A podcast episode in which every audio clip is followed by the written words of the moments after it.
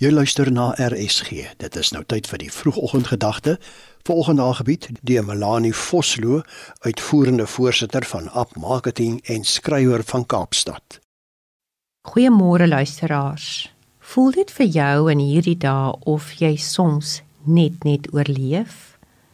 Of jy elke dag net genoeg krag kry om deur die dag te kom? En of elke dag se nuus oor die land, die wêreld, korrupsie, al die gebrokenheid om jou jou soms onderkry.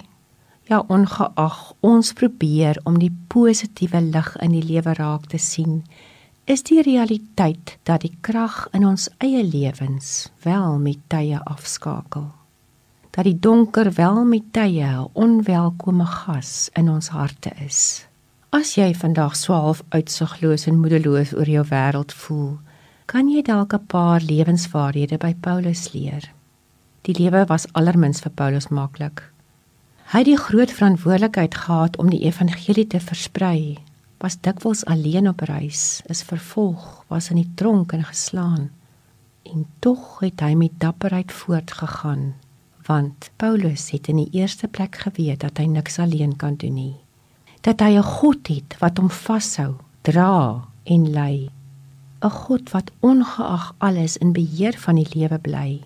Hoor hoe erken hy in 1 Korintiërs 1:25 al span mensel kragte in, is dit nog nie eens 'n druppel in die emmer teenoor God se groot krag nie. Paulus het in die tweede plek geweet dat wanneer hy wel verlate voel, hy 'n diep afhanklikheid voor God kan pleit. Hy sê dit ook in 2 Timoteus 4:17 maar die Here het my nie alleen gelos nie. Hy was by my en het my krag gegee. Paulus was in die derde plek 'n leier wat nie alles alleen probeer doen het nie, maar ander bemagtig het en aangemoedig het om ook baanbrekerswerk te doen. Ja, hy het die krag van spanwerk gebruik. Hoor hoe motiveer hy vir Timoteus in 1 Timoteus 6. Jy onthou mos dat God jou 'n spesiale gawe gegee het, Timoteus?